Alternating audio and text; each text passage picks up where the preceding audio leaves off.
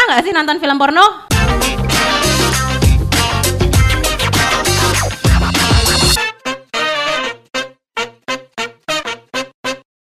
Ya, selamat datang di podcastnya ini, Mas. Terima kasih sudah datang. Eh, sebelum kita mulai, sebaiknya kenalan dulu. Jangan tegang, Mas. Santai aja. Kita di sini cuma ngobrol kok, Mas. Jangan tegang, Mas. Gitu. Eh, selamat datang, gitu. Dan sebelum kita mulai podcast nih, seperti biasa, tak kenal maka tak sayang gitu kan maka kita kenalan dulu nih nama saya Tias dari DP3AP2DY gitu kan nah mas-mas cakep-cakep ini siapakah namanya dan dari mana bisa diceritakan Oh ya ini dari Siapa Kamu dulu nih? dulu. Oh saya dulu. Oke, eh, selamat datang buat pemirsa yang nanti menyaksikan video ini. Nama saya Hendaru Restu Tadarusman. Saya biasa dipanggil Mas Daru. Mas Daru Iya, dari dari Gunung Kidul. dari Gunung Kidul Eh, kegiatannya apa mas sekarang mas Kegiatannya saya be- belakangan ini seharusnya kan saya lebih memfokuskan dalam mengelola pariwisata di Gunung Kidul. oh Jadi selain menjadi duta genre di Gunung Kidul. Oh maaf bukan duta. Apa ya Mas jenenge Mas? ya genre. ya genre Tapi belum duta ya? Oh udah udah nggak jadi ya. Itu saya selain di forum genre Gunung Kidul saya juga aktif di pariwisata Gunung Kidul Oh, khususnya oke. di duta pariwisata Gunung Kidul. oh gitu Di- begitu kurang lebih dan ya sambil sedikit mencari rezeki di Gunung Kidul lah. Tadi kan katanya juga Gunung Kidul itu rezekinya kan oh ya Gunung Kidul sebenarnya rezekinya banyak gitu setuju setuju ya mas berikutnya dengan mas siapa ini Ya nama saya Ginanjar Arif Wijaya. Mm-mm. Biasanya dipanggil Gin. Mm-mm. Ini kurang dekat ya. kegiatannya apa mas sekarang Kalau mas kegiatannya sekarang saya desainer grafis. oh Jadi wow lebih fokus ke ilustrator buku anak. Dan ini sedang Oh. merintis apa namanya ya untuk membuat buku sendiri buku anak maksudnya. buku anak Ya. Oh, eh, aku saking terkejutnya loh di sini ada ilustrator buku anak gitu kan. Ilustrator buku anak tuh susah-susah gampang gitu kan. Karena nggak kayak ilustrasi buku biasa gitu kan. Harus ada eh, kiat-kiat tertentu biar anak-anak mau baca gitu kan. Ada apa sih eh, aturan-aturan tersendiri kan kalau nggak salah kalau jadi ilustrator buku anak itu kalau nggak salah. Ih, hebat banget nih masnya. sampai di WhatsApp-nya tuh namanya desainer ilustrator. Ah itu Mas Ginto. Saya kan Oh, alah. sopo, Saya tuh WA sama gitu. sama Mas sama. Aku ya bingung. Iki sopo yo? Aku bagus tuh loh cara marketingnya. Saya suka itu. Eh, jadi eh, karena kita di sini mau ngomong soal pacaran. Waduh bahasannya hot banget gitu kan. Saya kok insecure ya, Mbak? Jangan gitu mas, saya juga kok. Jangan gitu kita ini nanti malah jadi sesi curcol nih. Jangan jangan jangan. Eh, jadi pacaran gitu kan. Kan tadi di pre-opening sudah saya em, bicarakan bahwa pacaran tuh sekarang kelihatannya semua orang kelihatannya pacaran deh gitu kan dari yang tua sampai yang kecil itu pacaran gitu kan. Nah, ini pertanyaannya agak langsung mak jelek banget nih ya ngomong-ngomong soal pacaran. Kalian mas-masnya ini sendiri udah pernah pacaran belum sih gitu? Jujur Mas, jujur Mas. Jujur loh mas. Jujur Mas, jujur Mas. Kalau pacaran saya pernah satu kali tapi di SMP Oh. dan itu pun apa hanya berlangsung dua minggu mungkin. Hah, dua minggu. Ya. Rapopo le penting tahu. Terus kesan-pesan pacaran apa mas? Eh, karena sejak kecil saya bisa bi- eh, bisa dibilang anak yang ini ya penyendiri dan reflektif. oh. Jadi ketika Lone wolf. jadi ketika ini ketika melakukan itu apa namanya pacaran itu saya benar-benar tidak tahu apa yang harus dilakukan pada waktu itu masih SMP Uh-uh. dan di SD sama sekali tidak punya Ya SD arah- gitu mas. Eh, bedanya begini mbak karena saya SD-nya itu di desa Uh-uh. jadi akses informasi terhadap kultur-kultur bagaimana orang itu berpacaran tidak sampai di sana Oh. sehingga ketika saya memasuki Oh, oh. SMP yang itu cenderung berada di pusat eh, civilization di sana itu mereka sudah tahu bagaimana cara pacaran sedangkan saya benar-benar blank jadi saya Otodidak ya Mas. Caranya otodidak. hanya mengalir saya Bener. Tapi bagus lu mencari ilmu sendiri kan. Secara nalurinya itu keluar Mbak. Ternyata Mas Gin itu. Jadi saya tidak ini, tidak punya apa ya insting untuk itu. Jadi saya cuma fokus ke eh, akademik. Oh gitu. Terus merasa missing nggak sih nggak pacaran gitu lihat teman-teman yang lain pada pacaran gitu atau biasa aja gitu? Kalau saya biasa aja. Oh biasa aja. Karena keuntungan dari menjadi orang yang introvert, yang eh, apa ya namanya, reflektif dan pemikir, Uh-uh. itu punya ini pendirian sendiri, punya Oh, sendiri di dalam. Jadi tidak mudah terpengaruh oleh lingkungan. Jadi Punya warna tersendiri Iya. gitu ya. Jadi misterius gitu kan. Kalau Mas Mas Hendarwan gimana gimana? Manhar- Mas Handaruan Handaruan. Ah ya. Handaru. Handaru. Ya, Ah, Mas Handaru pengalamannya udah pernah pacaran belum, Mas? Secara objektif itu pernah ya, Mbak? Pernah. Kok secara objektif maksudnya secara dua-duanya yakin bahwa ya ini pacaran Ya, gitu. Oh, se- ob- secara objektif itu pernah dan Nggak cuman HTS-an kan? ya itu juga kedua belah pihak itu mengakui kalau Oke, oke, kedua belah gitu. pihak. Konsen penting itu, konsen guys, konsen gitu Ya. kan. Namun itu terjalin SMP pernah sekali, terus waktu SMA juga pernah sekali. Ya mungkin pada saat itu trennya pada saat saya remaja itu kalau punya pacar ya, ya berarti kue iki payu mas kan gitu. Berarti bagaimana?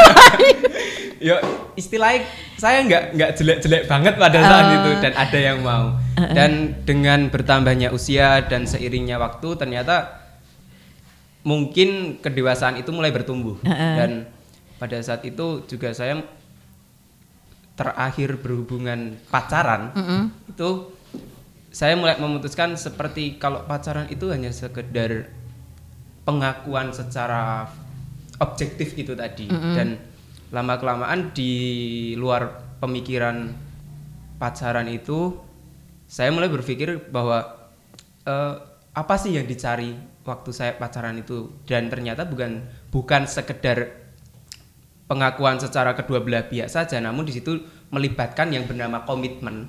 Dan itu bisa dijalin tanpa sebuah hubungan pacaran. Kepiye Mas Queen Zuta nek komitmen tanpa hubungan pacaran kan jut piye? itu seperti em, gimana ya mbak? Kayak komitmen itu kayak oke kita berteman baik. Oh gitu. kita berteman baik dan ketika pada suatu saat nanti kita berjodoh kalau memang itu kita berjodoh kita akan dipertemukan kembali Uh romantis, Bo. Ya ampun. mungkin itu Catat Mas Handaru ya guys, girls gitu kan, guys. Nggak ada Iya, jodoh nggak ke mana, nggak catet gitu. Uh, ya ampun, deep. Oke, terus kalau menurut Mas-Mas ini pacaran itu penting nggak sih? Atau kalau penting kenapa? Kalau nggak kenapa? Ya, dari Pengalaman pribadi aja Iya, eh, Mas dari. Gin, Mas Gin dulu Oh iya. kalau Mas Gin itu dia lebih eh, apa ya Reflektif itu Iya, tadi. reflektif itu tadi. Ini saling mem- melengkapi loh Iya. kelihatannya. Introvert, extrovert. Ekstrakurikuler Ini pertanyaannya tadi gimana? Tadi menurut Mas-Mas sendiri tuh pacaran itu penting nggak sih gitu? Kalau penting kenapa? Kalau nggak kenapa gitu? Menurut pengalamannya Mas-Mas sendiri gitu. Ini tergantung bagaimana kita itu melihat penting itu eh, dari mana asal usulnya. Oh, gitu. Apakah kita menganggap keinginan kita itu penting, ataukah kebutuhan kita itu yang penting? Jadi kalau saya itu melihat dari perspektif kebutuhan, maka pacaran itu tidak penting. Justru berada di kutub yang sebaliknya, karena Oh. ini mengganggu dari pemenuhan kebutuhan yang sesungguhnya. Oke. Nah itu. Jadi- Pemenuhan kebutuhan yang sesungguhnya itu apa Mas? Nah, ini akan saya jelaskan Oke. tapi agak panjang. Nggak Aduh. apa-apa Mas, kita punya banyak waktu. Oh iya, benar Mas, toh. kopinya nambah mas panjang ya Hah, nggak apa-apa Mas, jelaskan sejelas-jelasnya biar pendengar dan pemirsa tahu gitu kan. Hmm. Ya, jadi ketika kita itu memasuki masa remaja, jadi sekitar usia 10 atau 12 hingga nanti 18 tahun, itu perkembangan otak kita yang ada di paling depan ini namanya Hmm, pre prefrontal, frontal ha, cortex. ha. Itu nanti selama pembicaraan ini akan saya singkat PFC begitu Oh. saja ya biar singkat. Jadi Kayak gitu. prefrontal Frontal, cortex gitu kan. Ya, Jadi cortex frontal gitu kan. Tuh. Jadi PFC ya. Ya PFC. Saya akan menyingkatnya itu sampai nanti pembicaraan terakhir kita. Jadi itu adalah bagian otak yang membedakan antara manusia dengan hewan dan berfungsi sebagai eh, fungsi eksekutif. Oke. Artinya itu adalah pusat untuk eh, bagaimana kita itu bisa fokus, kita bisa memilah mana yang penting dan tidak penting, kemudian meregulasi emosi, mengambil keputusan, problem solving itu semuanya diatur di otak depan ini ya, di depan ini ya. heeh. Neng batuk iki. Neng batuk. Di Kalau depan itu sampai terjadi kerusakan, kalau itu sampai terjadi kerusakan maka bisa dibilang kita sebut saja orang itu agak gila lah gitu, ya. agak sulit untuk mengatur emosinya. Oke, baik. Kurang imbang gitu ya. Kurang sak strip itu berarti Itu. beneran ya nek neng ngarep. Oh iya bener kan? Kurang sak strip itu berarti bener nek neng ngarep kan. Sebenarnya kurang saon mas gitu. Terus Nah, itu baru mulai bisa dibilang amatir di usia 12 tahun atau 10 itu 10 atau 12 tahun, kemudian baru eh, dewasa itu di usia 24 tahun. Artinya Wow. ini adalah masa kritis. Oh, iya iya. ha. apabila eh, treatment-treatment yang dibutuhkan untuk mendewasakan bagian otak PFC itu tadi itu tidak terpenuhi, maka nanti di akhir usia 24 tahun itu kita hanya akan mendapatkan seadanya saja, tidak Oke, maksimal. ini. Tidak maksimal. Artinya kita bisa dibilang ya ini cuma menyederhanakan saja, sebenarnya tidak sesederhana itu. Ketika nanti kita tiba pada usia 24 tahun, kita menjadi orang yang tidak cukup bijaksana untuk menjalani kehidupan setelahnya. Oh Kurang lebih gitu. seperti itu. Dan masalahnya adalah pacaran itu adalah aktivitas yang memicu hormon-hormon yang akan mengganggu perkembangan PFC. Oh, hormon apa aja itu Mas? Ada dopamin, Dopamin. itu yang paling utama. Ha? Karena ini adalah hormon yang terlibat dalam segala jenis addiction atau Oke. kecanduan. Ha, ha, ha, ha, ha, ha. Kita kan sekarang baru mengenal yang namanya narkolema itu, narkoba lewat mata. Sebelumnya istilah ini tidak ada. Ha, ha. Karena pembahasan eh, narkolema itu juga orang belum melek ke sana. Oke. Kita menganggap ini sebagai sebuah salah satu jenis kecanduan yang bisa dibilang sangat merusak untuk remaja. Namun sebenarnya jenis kecanduan itu tidak hanya itu saja, tapi segala jenis hal yang nanti itu memicu dopamin itu berpotensi menyebabkan kecanduan, Adiksi termasuk gitu ya? pacaran. Oh termasuk. Oh baru tahu nih ternyata pacaran bisa menimbulkan adiksi. Jadi Mas Sandruan gimana? Pernah adiksi pacaran? Adiksi, waduh lupa ya. Jadi menurut Mas Sandruan gimana? Pacaran itu penting nggak buat remaja? Kalau saya pribadi sih cukup setuju dengan Mas Kin tadi. Mm-mm. Secara teoritis kayak gitu karena memang di genre pun juga mengedukasi tentang bergaul ya. Ya. Dan dari sepengalaman saya dan juga pengalaman teman-teman saya itu yang mereka pacaran dan bisa dikatakan pacaran yang sehat dan tidak sehat secara garis besar ya. Itu saya bisa menyimpulkan bahwa sebenarnya beberapa orang itu menginginkan sebuah pacaran itu sebuah hubungan pacaran mereka inginkan mereka lakukan itu karena eh, kayak mereka itu butuh teman lawan jenis Oh. teman lawan jenis yang mungkin bisa dikatakan hampir menyerupai seperti ibunya atau dengan karakter yang bisa diajak curhat bersama gitu. Ah. dan tanpa lewat pacaran pun sebenarnya itu bisa dilakukan dan lebih worth it daripada kita menjalani sebuah hubungan pacaran.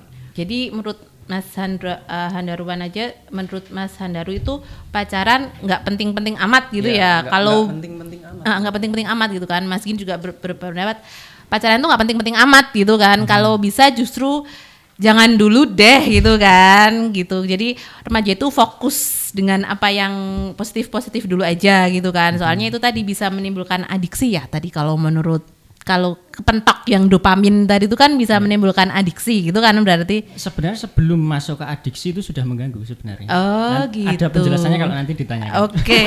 Dan mungkin eh, menurut saya ya Mbak, selain adiksi itu ada hormon lagi yang mungkin berpengaruh dalam hubungan pacaran yang bisa timbul itu khususnya di laki-laki ada na- yang namanya hormon testosteron. Testosteron. Nah, Oke. itu juga memacu buat melakukan kegiatan pacaran yang bisa dikatakan negatif lah. Oh gitu. Hmm. Kok jadi serius ya? Iya. Karena ini memang Ngomongin serius. hormon saya. Mungkin akan menambah ini, Mbak. Mau menambahi Mas Handaru soal testosteron tadi ya. Jadi begini, eh, ini mungkin karena kita makhluk sentien ya, maksudnya makhluk yang Berbisa berakal, berakal, ya, ber- berakal. berpikir berakal gitu itu kan. sehingga memungkinkan bagi kita eh, untuk mengalami ketidaksinkronan Hmm. antara apa yang kita ketahui tentang diri kita sendiri dengan sesungguhnya kita sendiri itu seperti apa. Jadi Oh. misalkan seperti ini ya. Mungkin ada orang yang menganggap kalau pacaran itu hanya sekedar bermain-main saja yang Hmm. tidak akan berbahaya sama sekali. Dan kalau kita mengecek faktanya secara biologis itu tidak seperti itu. Karena ini merupakan dorongan hewani kita untuk mencari pasangan sebenarnya itu. Hewani mas. Hewani, dorongan hewani. Kita bisa punya naluri hewani. Hilangkan prefrontal cortexnya, kita akan jadi hewan. Jadi yang membeda- membedakan kita sama hewan tuh cuman yang di depan ini loh guys, bathokmu gitu loh, bathokmu gitu deman-eman gitu Walaupun kan. kadang bedanya cuma dikit. Dikit banget kan eh gue mau kan bener kan ya yang di depan ini kan. Nah itu. Sebenarnya si panse juga ada tapi Iya. tidak sebesar manusia. Iya gitu kan. Nah ini saya lanjutkan ya soal ini apa namanya? Ini bisa dipelajari sama remaja-remaja nanti. Siapkan Google-nya. Jadi kalau nyari di Google itu nggak cuma nyari drakor sama manga gitu kan. Ini tadi yang khusus- PFC, PFC ditulis gitu kan. Hormon dopamin itu dopamin tadi, itu penting apa juga. gitu. Oke, Mas lanjut. Ya, Sorry. ini. Jadi kalau di fase-fase awal, kenapa misalkan ya saya akan menjadikan diri saya sendiri sebagai contoh. Kenapa saya mengejar perempuan dan bukan sapi yang ada di kandang seseorang gitu. Maksud saya kenapa saya tertarik kepada lawan jenis Jenis- satu spesies. Ah, ah, satu spesies gitu kan. Itu karena ini ada dorongan libido dari hormon testosteron itu tadi. Ah. kalau perempuan berarti Progesteron. progesteron. Progesteron. Terus fungsinya sama nggak sama testosteron gitu? Eh, mereka berperan dalam libido Uh-uh. itu hal yang sama tapi sebenarnya laki-laki juga punya progesteron perempuan juga punya oh, testosteron iya. hanya saja perbandingannya seperti ini laki-laki itu 10 sampai 20 kali lebih banyak testosteronnya Testosteronnya daripada dari perempuan, ha, ah. Nah, dan hormon ini juga itu yang menyebabkan laki-laki cenderung lebih agresif daripada perempuan. Perempuan. kriminal lebih banyak laki-laki daripada perempuan semuanya bisa dilacak dalam eh, genetik kita sebenarnya itu jadi ketika kita membicarakan soal testosteron itu sebenarnya kita sedang membicarakan libido Oke. artinya hanya sekedar tertarik saja pada perempuan itu sebenarnya dorongan seksual saya untuk Mm-mm.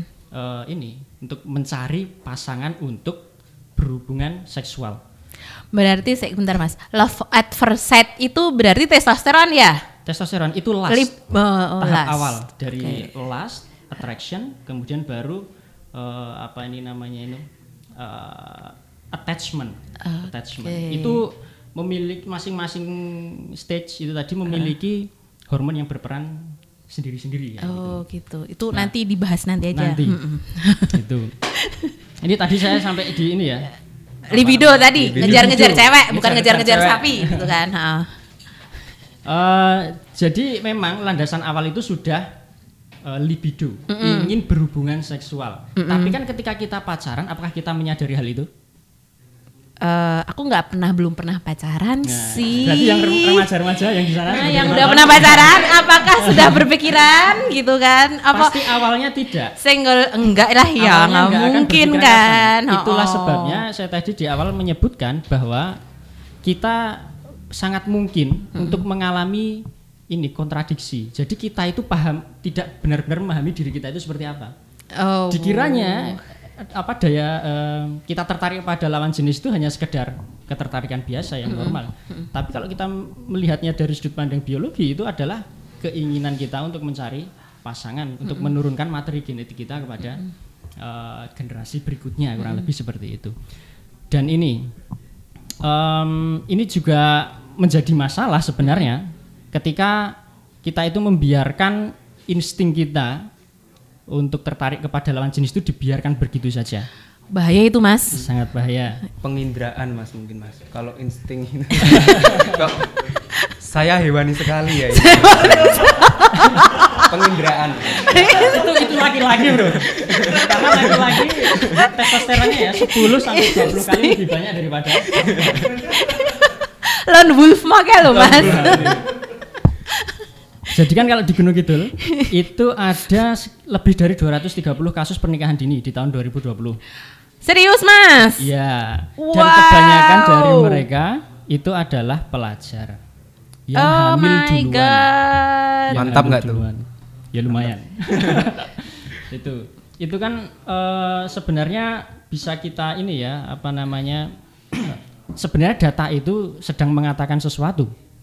Eh, Ini bukan hanya sekedar eh, bahwa jumlah itu hanya segitu, tapi itu hanya yang ketahuan. Bagaimana dengan orang-orang yang Ah, main aman? ah, main ha, betul Nah, betul betul. gitu. Yang nggak dilaporin gitu ya, Nah. yang nikah nikah siri kan banyak banget kan sekarang kalau Oh, nggak salah. Kalau Kalau kan- kalau pelajar kan tidak melakukan Melakukan, nikah, tapi mungkin mereka melakukan hubungan seksual, seksual. dengan cara yang eh, mungkin aman untuk Iya. menghindari kehamilan di luar nikah itu tadi. Udah profesional aja ya mas. bisa bisanya dapat edukasi itu tuh dari mana? Eh, tapi ya gimana ya itu kenyataan sih ya. Jadi eh, kita nggak bisa menutup mata kan. Itu it happens gitu kan terjadi di masyarakat gitu kan.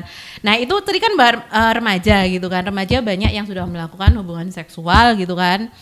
Terus tadi saya juga cerita pacaran itu udah jadi tren banget. Nah ini pertanyaannya kenapa sih pacaran itu viral gitu loh di kalangan remaja? Kenapa sih kayak kayaknya tuh sekarang di sosmed tuh kabeh kabeh tuh soal pacaran. Couple goals gitu kan. Lu jomblo gitu kan. Hari gini jomblo gitu kan. Maksudnya gitu amat gitu loh. Tuh kenapa sih alasannya? Kenapa sih pacaran tuh jadi viral banget menurut Mas Handaru apa Mas?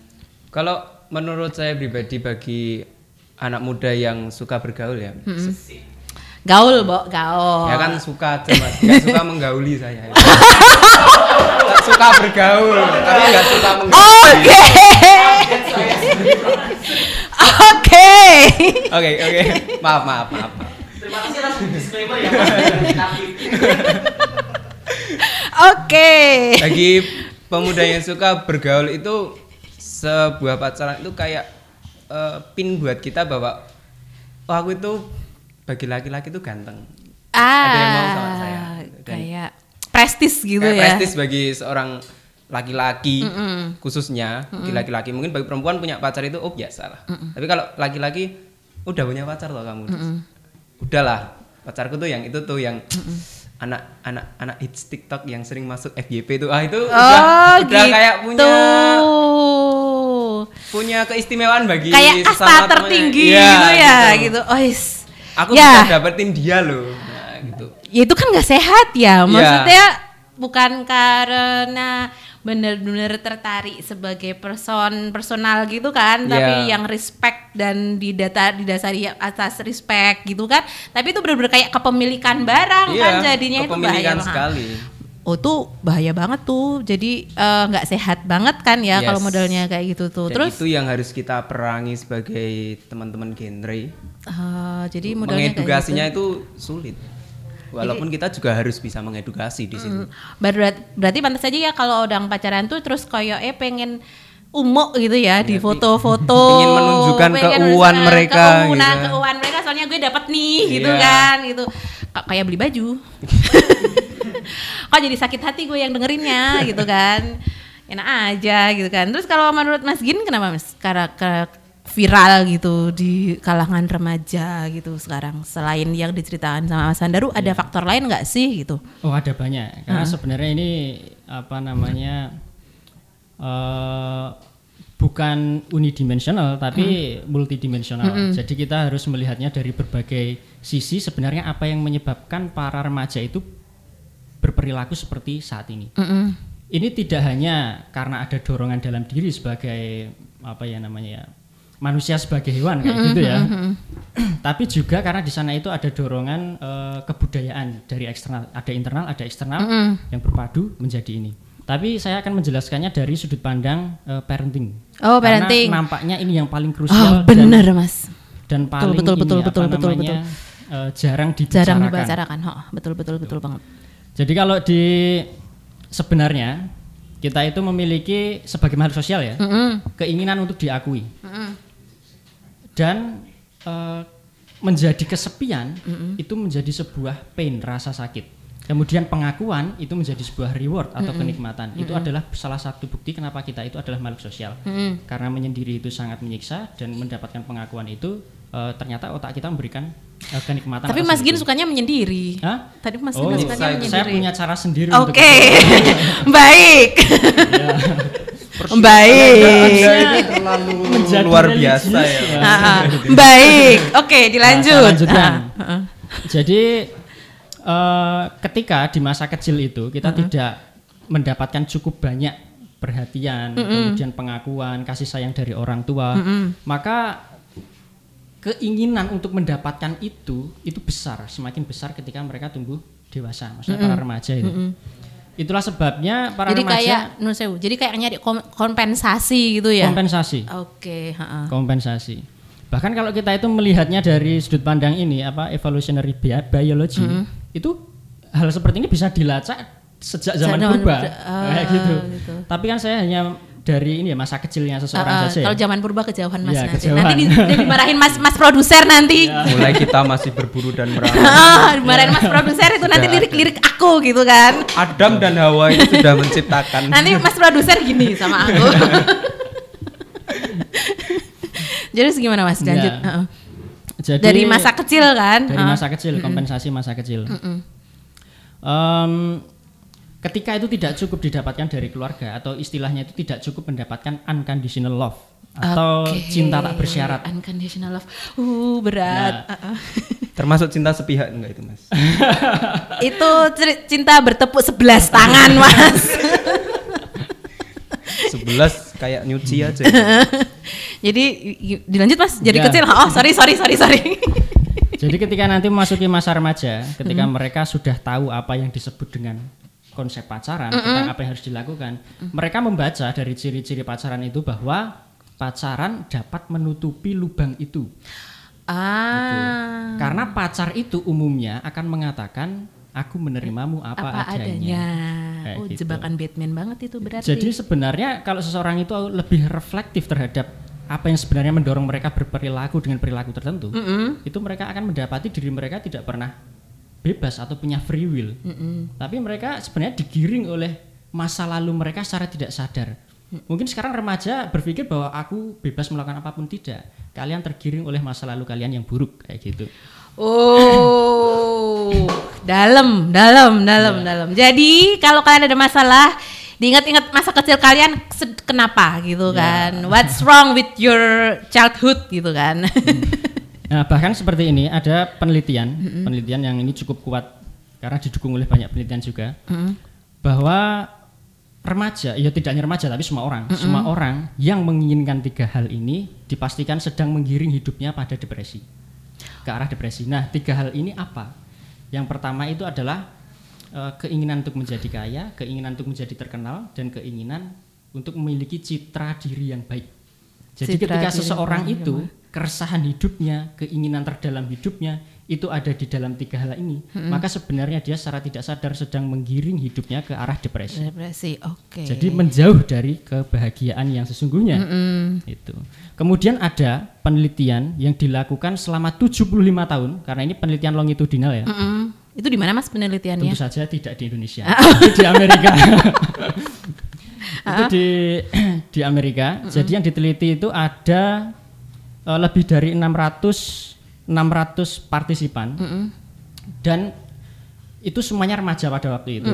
Dan mereka itu mengikuti riset ini sampai mereka usianya 80 90 tahunan. Wow. Dan itu diteliti hanya untuk mencari tahu sebenarnya kunci kebahagiaan itu apa. Dan hasilnya adalah close relationship is the key for happiness. Ah, Ketika seseorang itu memiliki eh, kualitas, kualitas ya bukan kuantitas teman, tapi kualitas hubungan dengan orang-orang yang terdekat. Maksud saya itu adalah suaminya atau istrinya, keluarganya yang lebih besar kayak gitu. Maka orang-orang yang memiliki hubungan yang baik dengan itu harmonis, itu menunjukkan kesehatan fisik yang lebih baik dan juga kesehatan mental yang lebih baik. Life satisfaction-nya tinggi. tinggi gitu. Dan sebaliknya, yang memiliki konflik dengan pasangan itu memiliki ini penyimpangan perilaku seperti ke arah menjadi orang yang alkoholik kayak gitu. Oh, gitu. Itu. Jadi bisa saya bilang bahwa em, masalah terbesar yang bisa dihadapi oleh seseorang itu adalah masalah interpersonal dengan pasangannya. Jadi untuk memilih suami atau istri itu sebenarnya tidak benar kalau kita itu hanya eh, menggunakan standar cinta sebagai basis. Mm-mm. Pernikahan itu adalah keputusan politik. Wah. Ya, saya oke. maksud keputusan politik di sini. Maksudnya apa Mas kuwi? Nah, ini. Orang Megawati karo Prabowo karo Sandiaga Uno kan. Teng teng teng teng. Ya mak- maksudnya begini. Ketika misalkan nanti ya Mas Daru kalau Mbak Tia sudah menikah belum? Belum? Oh belum. Oh, iya. Masih single? Kalau, kalau Mas Daru atau Mbak Tias ya gitu eh, ingin menikah, ingin menikah untuk mendapatkan eh, ketertataan, kedamaian, eh, peace di dalam rumah tangga, atau ingin mendapatkan masalah dan tantangan hidup Ya. dari dua hal itu. Kayak ini Perdamaian lah ya Mas. Ya itu. Kalau Mas Daru pilih perdamaian atau masalah? Jadi ketika Atau sedang mencari tantangan mungkin? nah, Kalau saya itu untuk sudut pandang di yang menuju ke pernikahan itu ya mas. Ya, kalau kamu menikah, kamu ingin mendapatkan ketenteraman di dalam rumah tangga itu atau ingin menghasilkan masalah dan tantangan? Secara realistis kalau orang menikah dan ingin berkeluarga mencari perdamaian mas. Ya, itu benar sekali dan memang mayoritas akan menjawab seperti itu karena Iya. memang naluri manusia seperti itu. Nggak ada orang nikah itu pengen cekcok tiap Ya, hari. Itulah Nggak ada. sebabnya kalau kita eh, kalau kita cekcok kita tidak jatuh cinta. Ya. Gitu toh. Tapi kalau kita itu punya banyak kesamaan, maka kemungkinan akan jatuh cinta di sana. Nah, Tapi masalah itu mas, bentar saya potong dikit ya. Oh iya, oke, oke. Eh, masalah itu tuh terjadi biasanya kalau sampai orang itu menikah sampai cekcok dan sering terdebat tentang masalah keluarga misal. Itu biasanya yang saya ketahui itu ketika dia menge- melakukan pendekatan secara langsung sebelum menikah. Atau mungkin ada yang berhubungan pacaran sebelum menikah dulu. Nah, di situ biasanya terjadi sebuah toxic relationship. Oke, oh, benar. yang membuat itu terbawa ke dalam rumah tangga. Dan itu cukup bahaya. Ya nggak mas? Hmm, mungkin bisa dibilang yang mengalami itu akan menghadapi masalah yang lebih besar dalam rumah tangga. Bahkan dua orang yang bersatu dalam keadaan masing-masing itu normal eh, dan memiliki kalau misalkan mereka pacaran ya, dulu pacarannya normal kemudian mereka menikah, itu pun mereka akan menghadapi masalah. yes Karena memang kalau kalau dalam kepercayaan Islam itu ya, itu kan eh, setan itu pasti mengganggu suami istri. Jadi entah dia mereka itu orang baik atau tidak, setan akan mengganggu mereka. Itu kalau kita melihat dari sudut pandang spiritual. di surga aja mengganggu Iya. apalagi di dunia Oke. Ini saya lanjutkan tadi ya penjelasan soal kenapa pernikahan itu adalah sebuah keputusan politik. Kemudian saya mengajukan pertanyaan eh, kalau eh, para remaja ini mau menikah, kalian ingin mendapatkan ketentraman atau mendapatkan masalah? Tentu saja mendapatkan ketentraman. Artinya adalah bahwa kita ingin menjaga bahwa kita itu memiliki kendali pada institusi yang disebut pernikahan itu tadi, keluarga itu tadi. Jadi kalau ketika kita itu lepas kendali dari keluar eh, dari apa yang terjadi dalam keluarga, akan muncul konflik-konflik yang tidak dapat ditangani. Tapi kan keinginan kita agar kita bisa mengendalikan itu. Kita ingin berkuasa di dalam pernikahan kita sendiri, dalam keluarga kita. Kita tidak ingin keluarga itu lepas kendali intinya seperti itu. Itulah sebabnya saya menyebut bahwa pernikahan itu adalah keputusan politik yang benar-benar harus dipikirkan yang tidak hanya mempertimbangkan apakah aku cinta pada orang ini atau tidak tapi lebih untuk berpikir apakah pasangan yang ingin aku nikahi ini memiliki kualifikasi untuk menjaga kerukunan rumah tangga atau tidak nah pertanyaannya adalah apakah para remaja sekarang itu melek terhadap kriteria-kriteria eh, karakter Nah, ini Pasangan Mas yang baik itu Ah, tadi. Yang barusan baru mau aku tanyain. Jadi gimana sih kalau kan ini kelihatannya pacaran itu kelihatannya banyak sisi negatifnya ya gitu kan banyak sisi negatifnya gitu kan. Cuman kan kalau sekarang orang mikirnya kalau nggak pacaran gimana mau cari pacar pasangan gitu kan. Gimana gimana kita mencari pasangan kalau kita nggak pacaran. Jadi gimana nih cara nyari pasangan tanpa pacaran menurut Mas Gin dan Mas Handaru? Uh, sa- santai mas. Kamu dulu, Bro. santai. Oke. Kalau pacaran ya ya yang kalau diruntut dari habit yang udah berjalan selama ini di kalangan masyarakat anak muda itu seperti yang saya bilang di awal tadi di mana salah satu keinginan pacaran itu adalah pengakuan atau mereka mencari teman lawan jenis. Mm-mm. Nah, ketika mereka menentukan untuk tidak pacaran Mm-mm. dan mereka ingin menikah pada suatu saat nanti, Mm-mm. di situlah waktu di mana eh, kita itu bisa memilah-milah. Oh, dia itu kayaknya cocok nih sama aku. Ya, kalau nggak mau pacaran, oke lah kita berteman aja. Makanya di awal tadi saya bilang ada komitmen ketika kita mau menuju ke jenjang yang Jangan lebih serius, lagi. Sama yang tadi bilang jodoh nggak akan ke mana. Jodoh akan ke mana itu Oke. tadi. Dan kalau kita runtut dari zaman dulu ya, dan dulu itu benar kata Mas Gin mungkin ada sedikit eh, rumusan politik yang diturunkan dari kakek moyang kita, di mana kalau kita itu mau mencari jodoh, kita harus menentukan bobot, bibit, Bibit dan, dan bebek. bebek. Itu juga tidak ada salahnya, Oke. karena dari ketiga itu minimal, misal dari kelima kriteria ya mas, dari kalau tiga udah masuk, ya wes itu masuk jadi jodoh saya. Nah, eh, sesimpel itu aja sih kalau Pokoknya saya berarti mencari. komitmen saling menghargai dan tahu konsen ya sebenarnya konsen maksudnya komitmen saling menghargai menghargai antar dua orang manusia tanpa harus bilang pacaran gitu Iya. kan. Cuman kita you know me I know you gitu Yes. kan. Oke, kalau Mas gini gimana Mas? Nyari jodoh, nyari pasangan hidup tanpa pacaran kan misalnya gini tadi Mas pacaran tuh lebih banyak mudorotnya gitu kan, Ya. lebih banyak negatifnya gitu kan daripada nggak daripada nggak pacaran gitu kan. Jadi Ya. Atau paling aku bilang aku nggak bilang nggak usah pacaran tapi mengendalikan gitu kan mengendalikan dorongan itu gitu kan. Jadi kalau mau nyari pasangan tanpa pacaran gitu gimana mas? Ya, Gitu. tentu saja tidak ada jawaban yang mudah untuk sesuatu yang besar, sebesar mensa- menjadi keluarga yang harmonis. ya. Em, jadi eh, saya akan menjelaskan dulu dari ini ya, apa namanya, kenapa kalau pacaran itu justru itu membentuk pribadi kita yang tidak akan mampu untuk mendapatkan apa yang kita inginkan, Mm-mm. pasangan yang kita inginkan maksudnya. Karena kalau kita itu sudah memulai pacaran sejak kecil, Mm-mm. itu kita eh, memilih pasangan bukan berdasarkan perhitungan yang matang. Kita Oh. sedang dalam keadaan yang tidak bijaksana, kita sedang dalam keadaan yang banyak tidak tahunya dan tidak punya banyak pengalaman untuk memilih pasangan, apalagi untuk menilai karakter orang seperti itu. Terlebih lagi kalau masih muda kan PFC-nya Nah, masih belum belum, ber- ah, ah, belum terbentuk Sedangkan itu baru berkembang di usia eh, Dua- baru matang di usia 24 empat tahun. tahun Ha. Nah, itu.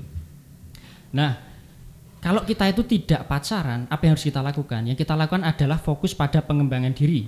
oke Pengembangan diri yang saya maksud ini ada tiga Heeh, aspek heeh. yang saya singkat dengan KPK: apa kui mas karakter, pendidikan, dan karir. Karena tiga hal ini Ah. adalah apa yang akan menjamin kesejahteraan kita di masa depan. Sebenarnya hanya dengan karakter saja seseorang itu bisa hidup pas-pasan atau mungkin miskin, namun tetap bahagia hanya dengan karakter saja. Tapi dengan pendidikan dan juga karir. karir itu seseorang tidak hanya sekedar hidup pas-pasan dan bahagia, tapi mereka hidup dengan kelebihan Mm-mm. dan juga bahagia. Dan kelebihan eh, kelebihan yang mereka miliki Mm-mm. karena mereka adalah orang-orang berkarakter baik pun akan dibagikan kepada orang-orang yang eh, lebih membutuhkan. Jadi itu sebabnya saya merumuskan KPK itu tadi sebagai eh, aspek penentu eh, kesejahteraan seseorang di masa depan. Fokusnya ke arah tiga itu. Nah, ketika seseorang itu eh, fokus dalam mengembangkan diri, karakter ya, gitu, eh, berusaha untuk menjadi orang yang ideal, yang misalkan selalu bisa jujur dalam segala eh, kegiatan. Kalau mau apa namanya bertutur kata berhati-hati agar tidak berbohong, agar tidak menyebabkan kesalahpahaman. Ketika ujian tidak mencontek, belajar dengan eh, jadwal yang sesuai, tidak SKS-an. Ah, itu susah, Mas. Semalam.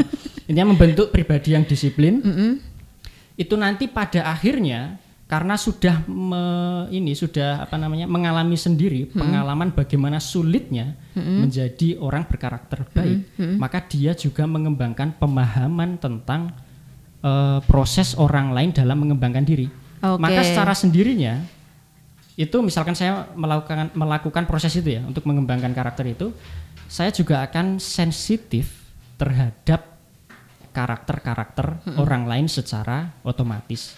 Misal saya belajar untuk selalu jujur dalam segala perkataan. Mm-mm. Maka ketika orang lain itu ada yang berbohong dan berlebihan dalam berkata-kata, saya akan sensitif. Sensitif.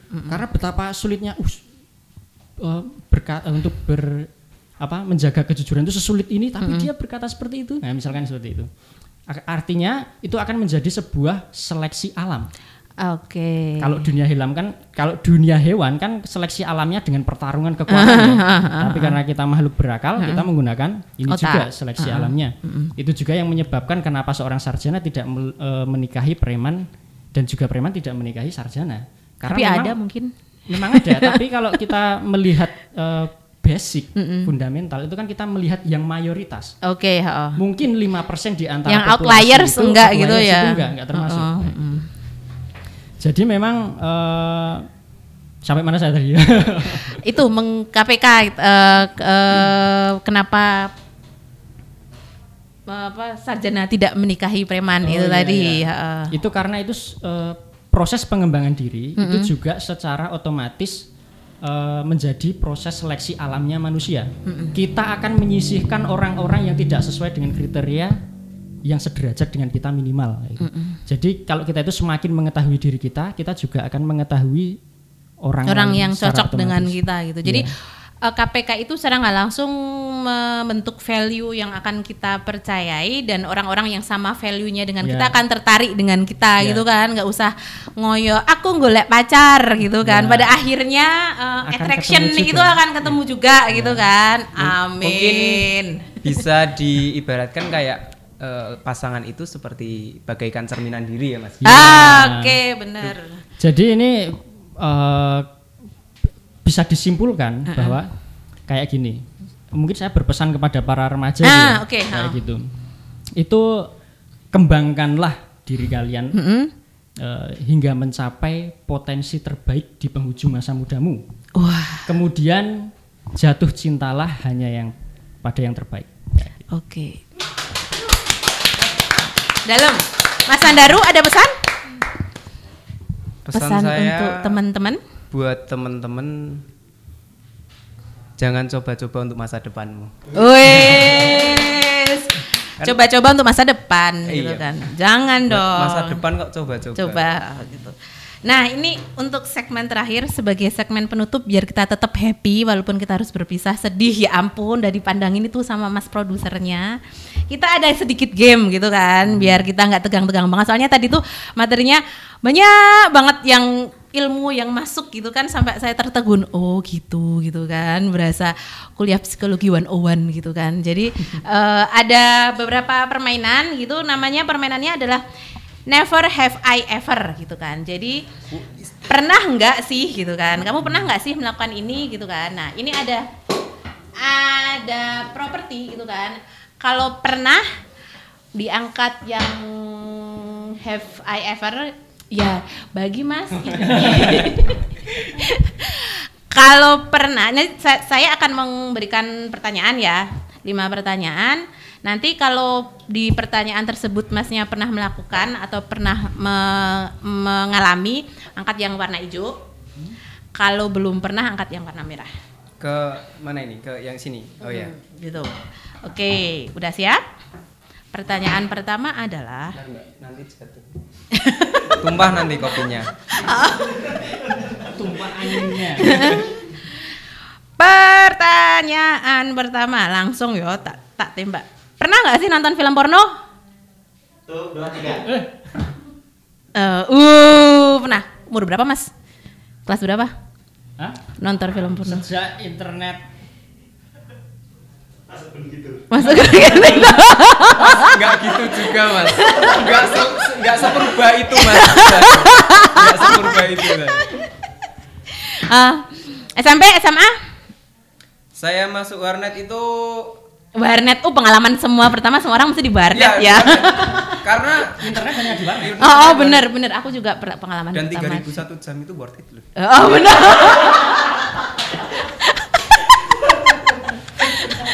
Ngaku. Walaupun walaupun nontonnya sama buffering buffering. Soalnya saya biar orang yang sak jam. Berarti sih 10 menit 15 menit kan paling cepet. oh, jadi pernah hmm, aku juga pernah kok. SMP mulai kenal. Aku SM, aku SMA. Kalau aku SMA gitu kan, karena dulu kebetulan SMA-nya deket warnet gitu kan. Terus SMA aku cukup ah cukup apa ya santai gitu kan. Jadi aku bisa melarikan diri ke warnet gitu. Terus aku penasaran apa sih yang ditonton oleh para laki-laki itu bahan bahan pembicaraan mereka gitu kan? Terus impressionnya gimana mbak? Terus tak tonton, yo aneh wae sih, what is that gitu kan? Ka- kayak yang ini ditonton sih aku sama kayak gitu. Ya emang mungkin beda itu ya, tanya progesteron dan testosteron itu kali ya gitu kan? Testosteronnya laki-laki lebih tinggi. Ya, Ah, saya gitu. juga aneh mbak pada waktu itu kok. Tapi semakin menggali itu gejolak saya mencari tahu. Iya. Semakin banyak tahu. Aduh gitu kan. Lanjut lanjut. Oke, pertanyaan kedua adalah eh insik pernah nggak insecure dengan tubuh sendiri? Tuh, dua, tiga. Satu, dua, tiga. Insecure. Oh, never. Wah, keren. Pede banget mas. ya nggak nggak pernah aja insecure membandingin kayak sekarang mungkin bahasanya lebih ke body shaming ya. Ah, ah, ah, ah, ah. Itu nggak saya dulu pernah over overweight. Itu juga pernah dan sekarang mulai hidup sehat dan udah berjalan cukup lama. Sehingga lihat yang kemarin tuh ya ya udah itu proses yang perlu saya lakukan buat menjadi seperti sekarang. Jadi kenapa harus insecure sama Oh, yang kemarin? keren, keren, keren. Kalau keren, saya keren. anu pendek. Tinggi badan saya ketika masuk SMK itu 127 cm. Hah? Kemudian lulus. Jadi ketika saya masuk SMK, Ini nggak mau lah, mas. nanti kalau mau tinggi masuk SMK. Mas kameranya udah. aduh, aduh. Aku juga cuma mau tanya ini itu. Langsung mikirnya sama kita. Jadi gimana mas lanjut? Jadi orang ini siswa terpendek nomor dua Oh. ketika masuk. Ketika tinggi menjadi termasuk salah satu yang tertinggi. Mm-mm. Saya Wah, kan semi militer, jadi apa namanya olahraga fisik itu selalu ada. ya. selalu ternyata olahraga fisik tuh memang mempengaruhi itu ya growth sport sportnya cowok tuh kalau disuruh olahraga fisik terus langsung "Shh," gitu. Walaupun tingkat ini tingkat perkembangannya itu kadang lebih cepat wanita. Mm-mm, tapi iya, tapi kalau cewek kan lebih cepat selesainya juga Iya. gitu kan. Kita umur 18, 7, 19 itu kan udah udah nggak ada growth sport Udah lagi ya. maksimal. Ah, udah maksimal kan. Kalau cowok kan bisa sampai umur 24 itu aja masih bisa masih bisa Heeh. Eh, pertanyaan berikutnya. Mas, gini mas, ini ada mereknya. Eh, eh, pertanyaan berikutnya adalah ngobrol tentang seks dengan teman. Pernah nggak? Oh, Oke, ngobrolin apa mas biasanya? Ini siapa dulu yang tanyain? Maskin dulu. Mas Gin dulu deh. Oh, oh, Mas Gin, ngobrolin apa mas biasanya? Ini mungkin agak tidak lazim ya, Uh-uh. ketika Eh, malah kue sing gugup. ketika saya itu berkumpul bersama teman bicarakan seks itu yang dibicarakan adalah seputar apa namanya ilmu-ilmu biologinya, psikologinya, Uh-uh. hal-hal yang semacam itu. Sehingga ketika kita berkumpul pun apa yang saya bicarakan juga dengan gaya seperti ini. Ini Saya berbicara dengan siapa pun seperti ini sebenarnya. ah, ah, ah, ah. Jadi- Yakin aku mesti gayanya Iya. seperti itu. Jadi ya tidak bisa menjadi orang lain cuma kayak gini aja. Jadi yang kami bicarakan seperti itu tentang sebenarnya apa yang mendorong manusia itu untuk melakukan hal seperti itu baik itu. Dan dulu itu pun ketika apa namanya eh, nonton film porno itu tujuannya salah satunya itu adalah untuk melakukan penelitian dalam hal itu. Oh, Penelitian. Sampai Penelitian. oh ya saya di genre Riset. saya di genre ini ya Riset. di, di bidang riset jadi Gitu. memang itu sampai saya eh, apa namanya melihat dokumenter-dokumenter dan penelitian-penelitian di bidang itu dan itu cukup mengejutkan bahwa ternyata eh, kebanyakan aktor porno itu tidak menikmati apa yang Ya iyalah, wong mereka kerja juga demi cari duit. Kalau ada kerjaan yang lain, mereka milih kerjaan yang lain kali. Sedalam itu ya mas pendalaman anda ini. kita harus mencari segala sesuatu sebelum kita tersesat gitu. Kalau Mas Andaru, kalau ngomongin seks sama teman ngomongin apa Mas? Saya kalau ngomongin seks itu lebih banyak, walaupun hampir sama ya sama Mas. Lebih banyak ke edukasi seksualnya sih seperti permasalahan-permasalahan seksual dan cara penanggulangannya. Oh gitu. Salah satunya juga karena misal kalau kita ingin Mm-mm. berhubungan seksual dengan lawan jenis, Mm-mm. tapi dengan masa seperti ini kita nggak mungkin. Mm-mm. Apa yang harus kita lakukan? Apakah seperti kebiasaan laki-laki pada umumnya? Iya, masturbasi maksudnya. Iya. Diomongin aja nggak apa-apa kok di sini. Kita kan sex education ya, kita Iya, kan iya. cash pro Iya. gitu kan. heeh. Atau eh, ada hal-hal lain yang yang bisa dilakukan dan itu kalau kita lagi ngobrol kayak gitu dan ada teman yang canggung atau teman yang tabu itu saya merasa kasihan aja. Oh iya sih, iya sih bener. Udah udah waktunya kita tahu kayak gitu. Ah, ah, udah waktunya, Sedangkan bener. salah satu menanggulangi masalah tentang reproduksi atau masalah tentang seksualitas juga kita harus tahu dulu. Mm-mm, harus tahu pendid- harus tahu ininya Pendidikan pendidikannya, seksualnya. pendidikan seksualnya, edukasinya bener. Lebih ke situ aja sih kalau. Bener bener bener setuju, Mas. Eh, pertanyaan berikutnya, ini pertanyaannya agak-agak gimana, tapi aku penasaran pengen tak tanyain. Pernah nggak sih diajak berhubungan seks? Wow, Diajak bro. jadi penasaran Mas Andaru kapan Mas? Bayar.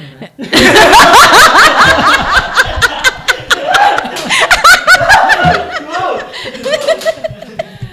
Oh, Kalau kalau diajak perempuan duluan itu agak unik bro. eh, Tapi mohon maaf nih. Dia minta bayaran atau tidak ya?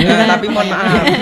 Sebelumnya tuh lebih ke lawan jenis ya. Saya tidak pernah ke sesama jenis itu sama sekali untuk diajak ataupun mengajak. Eh, eh, Itu kan. Sesama jenis nggak pernah? Nggak pernah. Oke, lawan jenis. Lawan pernih eh lawan ya, fokus Mas. Ya, Lawan- langsung hot, langsung hot. lawan jenis iya.